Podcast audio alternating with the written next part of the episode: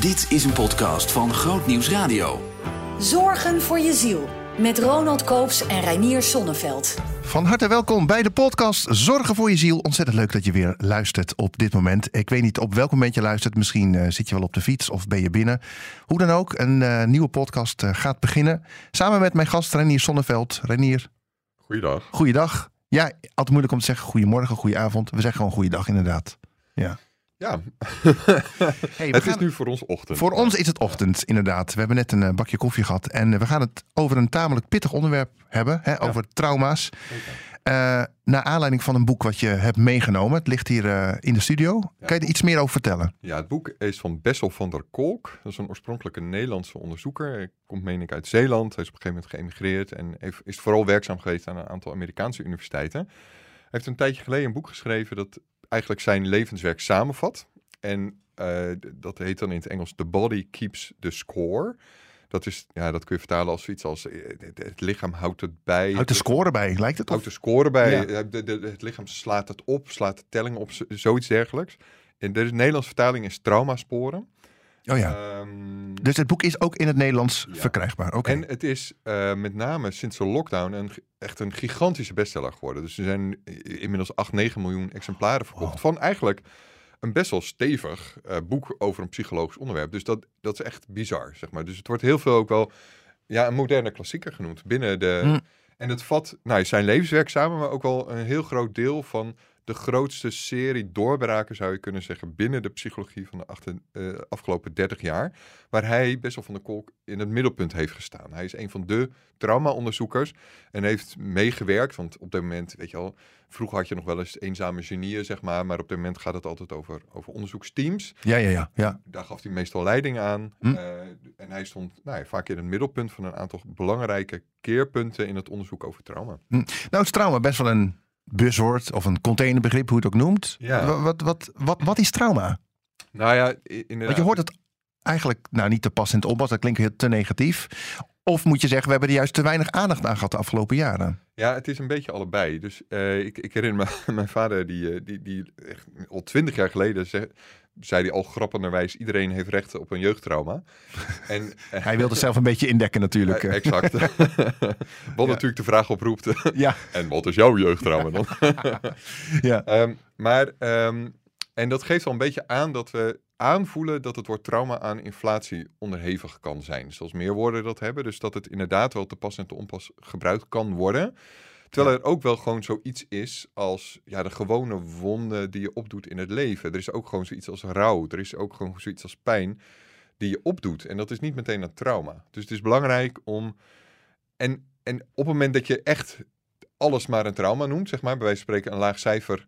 Nou ja, letterlijk. Mijn, mijn, mijn, eh, eh, mijn vrouw die, eh, die, geeft, die geeft regelmatig les op HBO-opleidingen. En daar wordt letterlijk wel eens het woord trauma gebruikt in verband met een vriendje die het uitmaakt. Of eh is een keer niet overgaan. Of Oh, wat. zo van, hij heeft uit, oh, echt een trauma. Zo. Ja, Ja, ja. Wat daar, en dat snap ik allemaal wel. En er zijn ook wel overeenkomsten met, zal ik maar zeggen, echte trauma's. En dat kan ook natuurlijk. Ik bedoel, ook het, inderdaad, het beëindigen van een relatie kan inderdaad ook in echte zin traumatiserend zijn.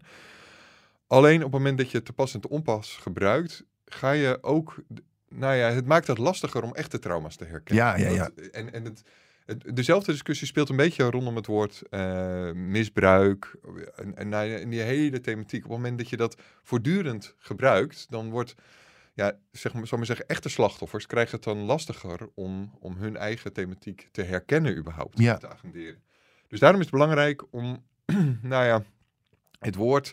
Het is goed dat het wat meer verspreid is, zodat je het meer herkent. Maar het is ook wel belangrijk om het, nou om, om het een serieus woord te houden. Ja, en als we nou even naar het boek kijken. Wat, Ja. wat is de definitie van trauma in dit boek dan? Wat, Ja. wat, wat is trauma volgens dit boek? Nou ja, uiteraard iets met heel veel eigenschappen, maar laat ik het proberen eh, samen te vatten. Trauma is een heel stressvolle ervaring, waarvan je de respons die je daarbij hebt opgedaan, eh, lange tijd met je meedraagt en nog reageert op de wereld alsof die stress acuut is. En actueel Oh ja, ja, ja. Dus je maakt iets soortgelijks mee, wat vroeger heel pijnlijk was. En je zit meteen in die emotie van, van toen. Dat is het. En Ja, worden dan vaak triggers genoemd. Dus dat zijn dan dingen die op een of andere manier lijken op wat je toen hebt meegemaakt.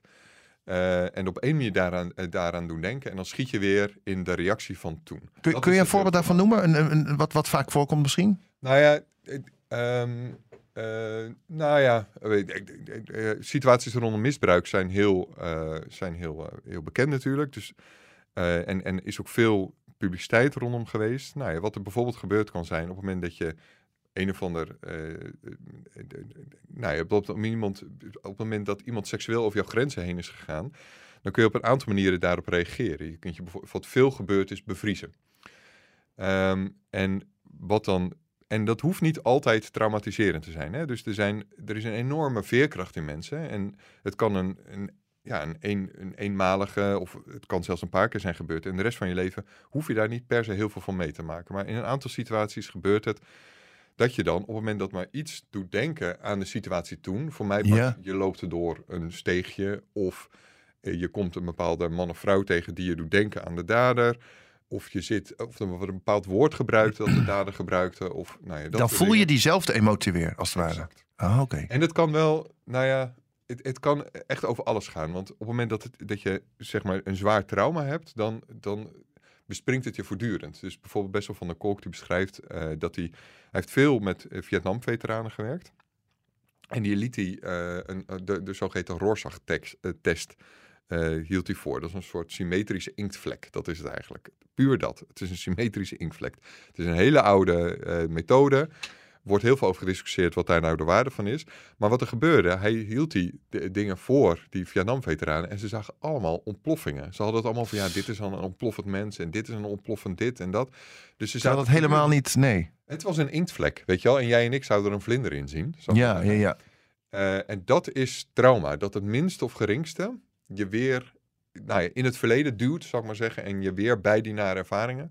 Terwijl je het vaak niet eens weet. Dus het, het zijn, en dat is een ander kenmerk van trauma. Dat, dat noemt hij dan dissociatie. Dat allerlei gevoelens, beelden, geuren, dingen die bij die nare gebeurtenis horen.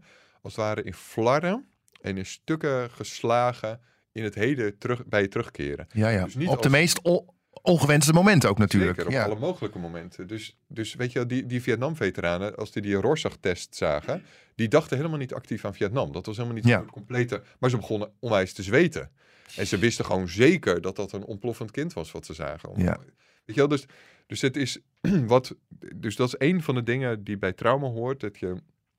eh, dat het in, in flarden in het heden terugkeert, zonder dat je direct eh, in eerste instantie de link met de traumatische, dus zeer stressvolle ervaringen eh door had. En je merkt ook wel eens dat sommige trauma's zo heftig zijn dat, er gewoon, dat ze gewoon verdrongen zijn. Hè? Dat er gewoon geen woorden meer voor zijn. Ja. Ik, ik, ik, ik, eh, ik heb een keer het verhaal gehoord van een kind wat, wat een tekening maakte met heel, met heel veel zwart en heel veel uithalen. Ja. Daar was ook iets, iets mee ge- gebeurd, weet je wel? Ja, en, Ja. Dan, eh, en als het heel jong is gebeurd, dan weten k- kinderen het, dan kunnen ze het echt niet meer vertellen natuurlijk. Maar, maar het gevoel zit er dan wel dus, het trauma. Exact. Dus een van de bijzondere dingen aan wat Bessel van der Kolk doet, en dat is denk ik de reden, dat is een heel belangrijke ontwikkeling binnen de psychologie, maar ook een van de redenen waarom denk ik zijn boek zo populair is geworden, is dat zijn benadering ehm, veel minder cognitief is en veel minder op de hersenen is en veel lichamelijker en Ja, ja. relaties is gericht.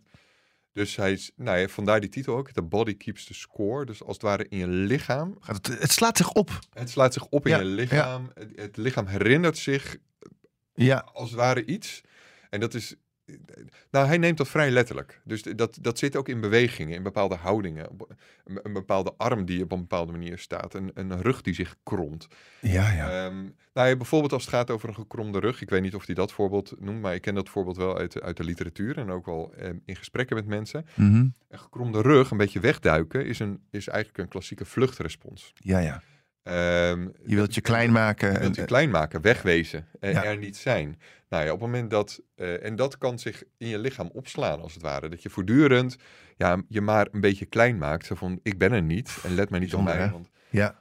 En het, nou, het, het kan wel goed zijn om daar even op, eh, op, op, op, op, op, eh, op in te zoomen. Wat, wat gebeurt er nou bij trauma? Dus globaal is het een stressvolle ervaring Mhm. waarvan de respons zich herhaalt in de rest van je leven. Ja. Misschien wel. Wat gebeurt er nou op het moment dat je iets, iets heel pijnlijks meemaakt? Dan gaat je primitieve brein, wordt het wel genoemd. Je, Ja, je reptiele brein, hè? ja, exact. Dus helemaal het allerbinnenste van je brein, die gaat aan, of een, zelfs nog een heel specifiek, heel klein stukje daarvan, een ertgroot onderdeeltje daarvan. Dat wordt de amygdala genoemd. Dat is je alarmbel, als, als het ware. In Ja, in in Eigenlijk ding, ding, ding, gevaar, gevaar. Gevaar, gevaar. Ja. Die gaat ontzettend aan. Terecht, weet je wel. Dus alles in je lijf reageert en probeert.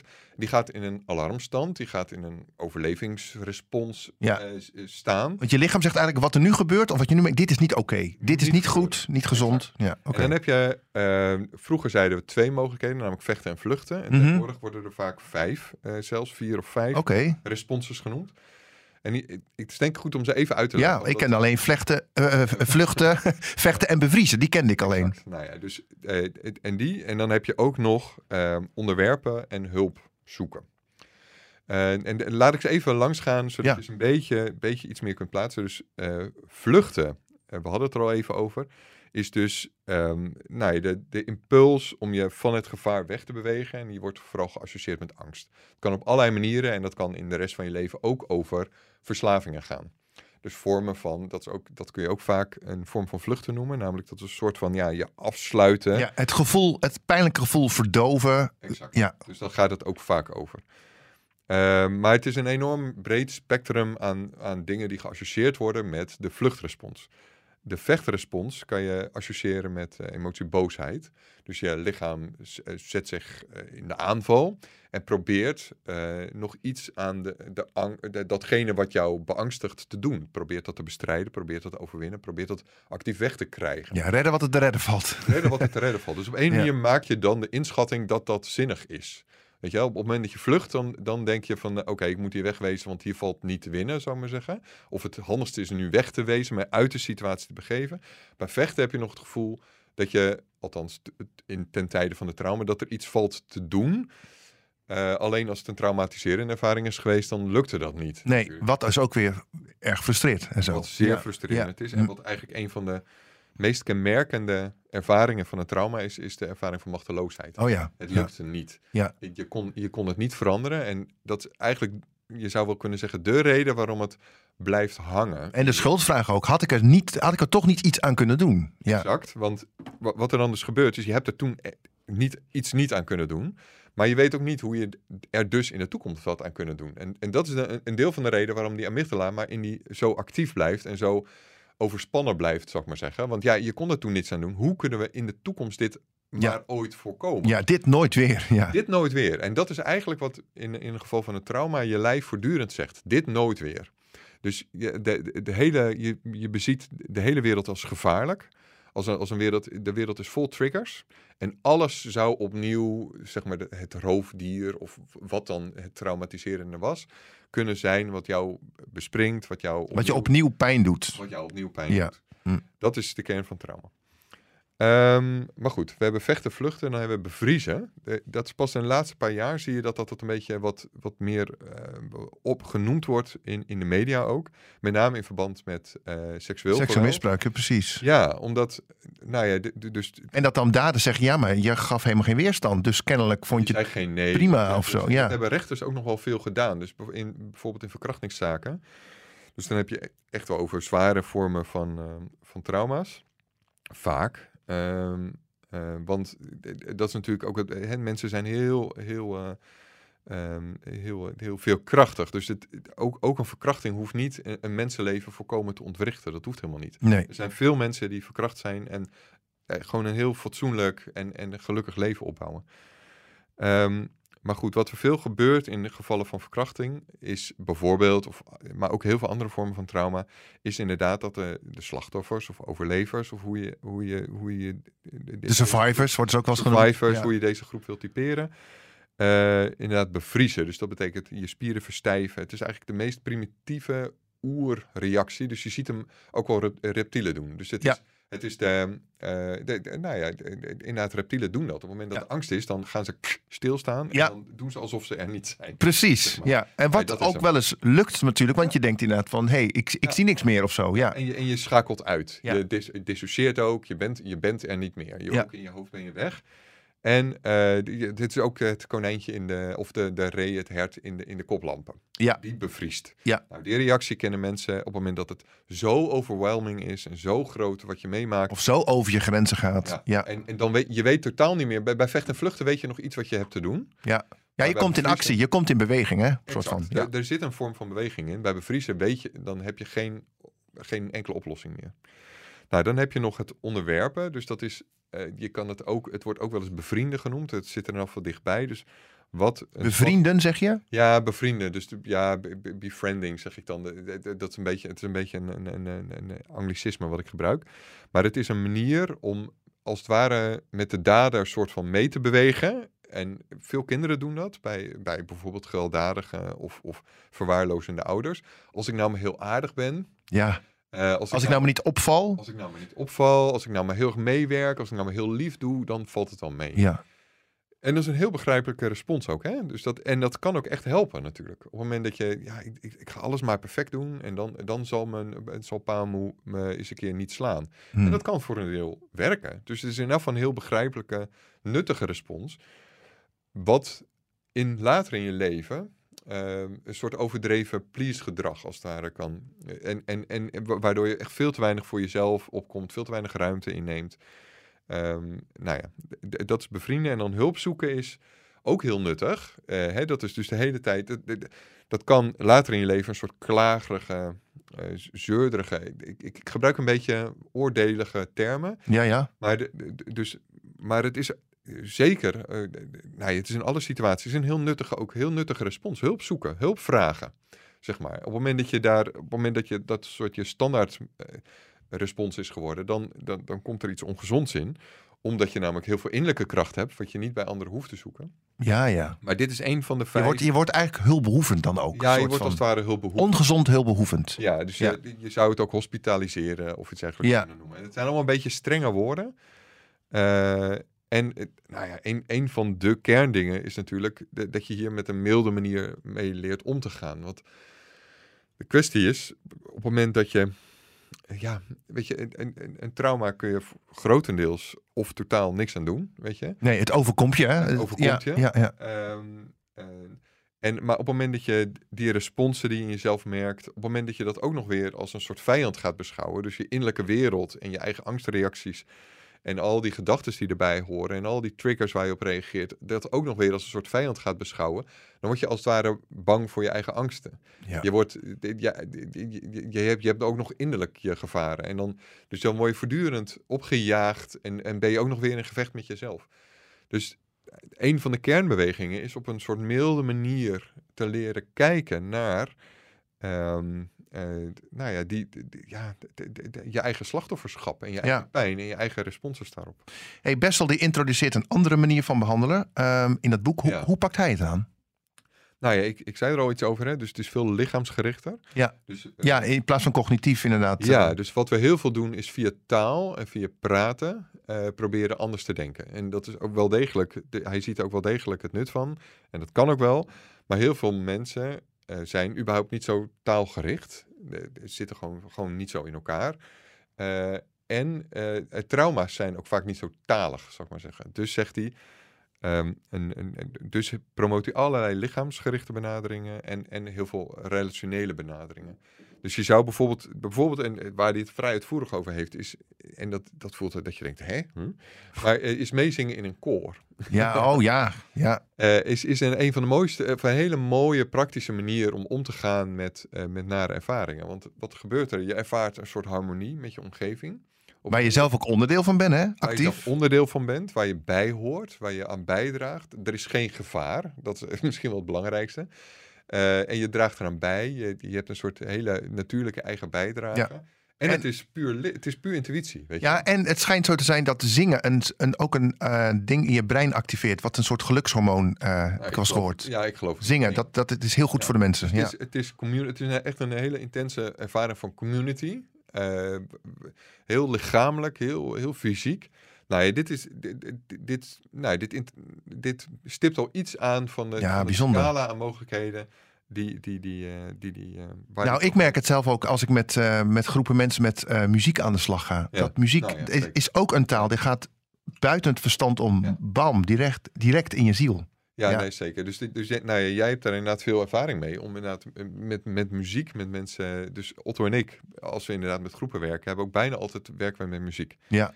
Eh, dus dat is echt een manier om. ehm, ja, Dat mensen in hun ziel, bij hun ziel, bij hun gevoelens kunnen Ja. komen, denk ik wel eens. nou of ja, exact. O- Vaak omdat het niet, het is niet zo talig. Of Ja. de taal, je snapt het niet meteen, weet je wel. Dus het is niet van, eh, ja, nu ga ik eens deze tekst analyseren. Nee. Maar het komt, komt binnen op een ander, ander level. Eh, en wat heel behulpzaam is. En dat gaat dus dan met name dus telkens over de ervaring. Het is hier niet gevaarlijk. Ehm, Ja. De wereld is minder gevaarlijk dan ik denk. Je hebt een positieve ervaring in plaats van. Exact, dus je hebt een ervaring ook van kracht. Hè? Dus, Ja. dus heel, heel centraal in de, in de traumatische ervaring is machteloosheid, ik noemde het al. En dus genezing bestaat voor een deel uit elke keer ervaren, ja, maar ik kan het leven, ik, ik kan hier iets veranderen. Ik Ja. heb hier iets in te brengen. Ik Ja. hoef niet alleen maar vanuit vechten, vluchten, bevriezen, Ja. Nee. hulp vragen en, en onderwerpen te reageren, maar ik kan gewoon op een samen manier, op een oplossingsgerichte manier, op een nuchtere, verstandige manier iets veranderen in mijn situatie. En die ervaring elke keer opzoeken, elke keer bevestigen, dempt als het ware, stilt als het ware die overspannen amygdala, telkens Mm, een beetje, ja. waardoor, je, waardoor, je, nou, waardoor het ook steeds meer in je systeem komt. Hé hey jongens, dat was toen, Ja. Ehm, maar het is niet meer nu.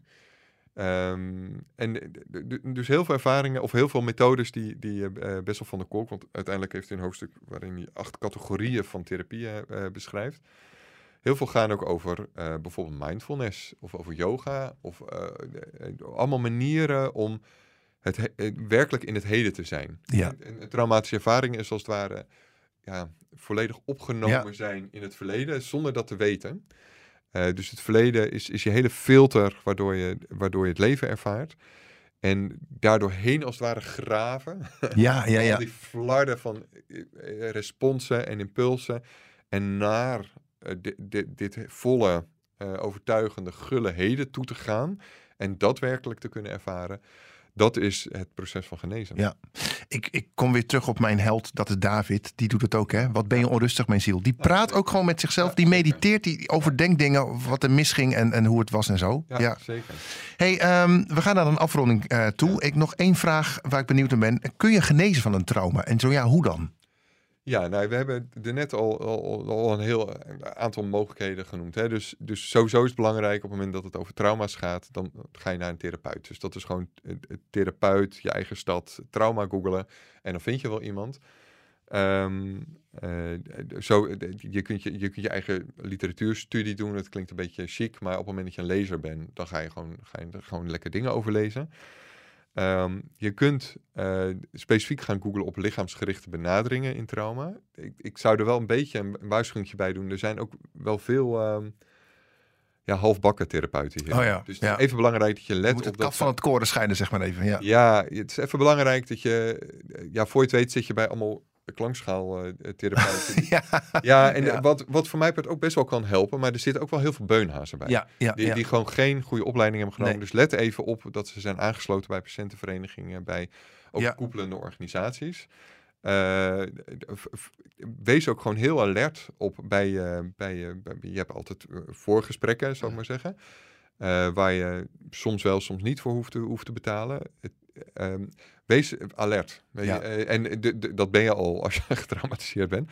Maar luister dan ja. luister dan naar jezelf en durf ook nee te zeggen. Durf ook gewoon te zeggen: nee, dit werkte niet voor mij. Voor mij moest je 100 euro betalen voor zo'n voorgesprek. Maar, maar het is Dan belangrijk. weet je het ook. Ja. Dan weet je het ook en dan ga je gewoon naar de volgende en voor mij naar de derde of de vierde. Want Ja. het is belangrijk om een, een therapeut te hebben, man of vrouw, die, die je werkelijk vertrouwt. Ja. Dat is denk ik een hele belangrijke stap.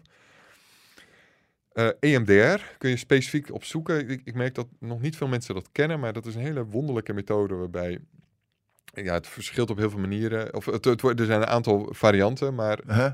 eh, wat er vaak gebeurt is dat, dat, dat je piepjes, onverwachte, eh, wisselende piepjes in je oren krijgt. terwijl je denkt aan de nare ervaringen. En het, het wonderlijke aan de me- methodiek is, en we weten nog steeds niet goed hoe het werkt, maar het is op heel veel veteranen, getraumatiseerde veteranen, is het ooit ontwikkeld. En, en het werkt, het is een van de best Het werkende werkt methoden. onverklaarbaar, zou je kunnen Ja, zeggen. het werkt onverklaarbaar en best Wat, en dan piepjes en... ja, piepjes. Je denkt aan het, ehm, eh, Aan het trauma. Aan, het trauma of aan de, aan de nare gebeurtenissen Mhm. of aan nieuwe situaties die, die niet goed voor je werken. En op een of andere manier gaan de herinneringen dan los van de emoties. Oh ja, ja. Eh, dus op een manier wo- worden die uit elkaar getrokken. Ja, dus je hebt nog wel de herinneringen, maar niet meer de emoties. Die, het is minder ja, zwaar. Ja. En, dat, en dat werkt heel, eh, dat werkt heel bijzonder. Ja. Dus op het moment dat je met nare herinneringen zit of met onverwachte, hè, dus eh, de, de, de hele, de hele, het hele leven is gevaarlijk als het ware. Je zit voortdurend in een soort alerte stand en je denkt, of je bent voortdurend boos, je bent voortdurend, je hebt het gevoel dat je, dat je vastzit, voortdurend vastzit. Dat, dat zijn vaak eerste kenmerken van, nou, ja, er zou iets wat dan PTSS wordt genoemd, hè, posttraumatisch stresssyndroom, zou er aan de hand kunnen zijn.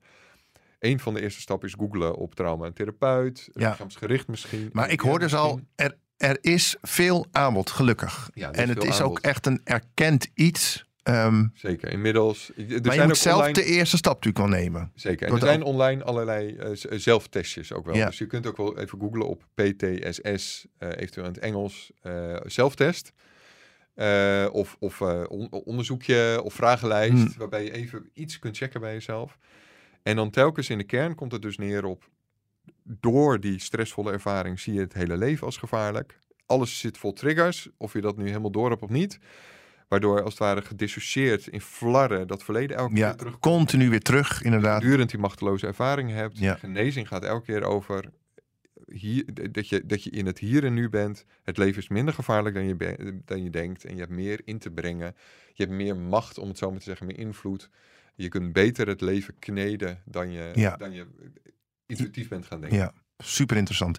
Reinier, dankjewel voor nu. Ja. En eh, graag tot de volgende keer. Tot de volgende keer. Zin in nog een podcast? Luister naar Zorgen voor je ziel via grootnieuwsradio.nl slash podcast.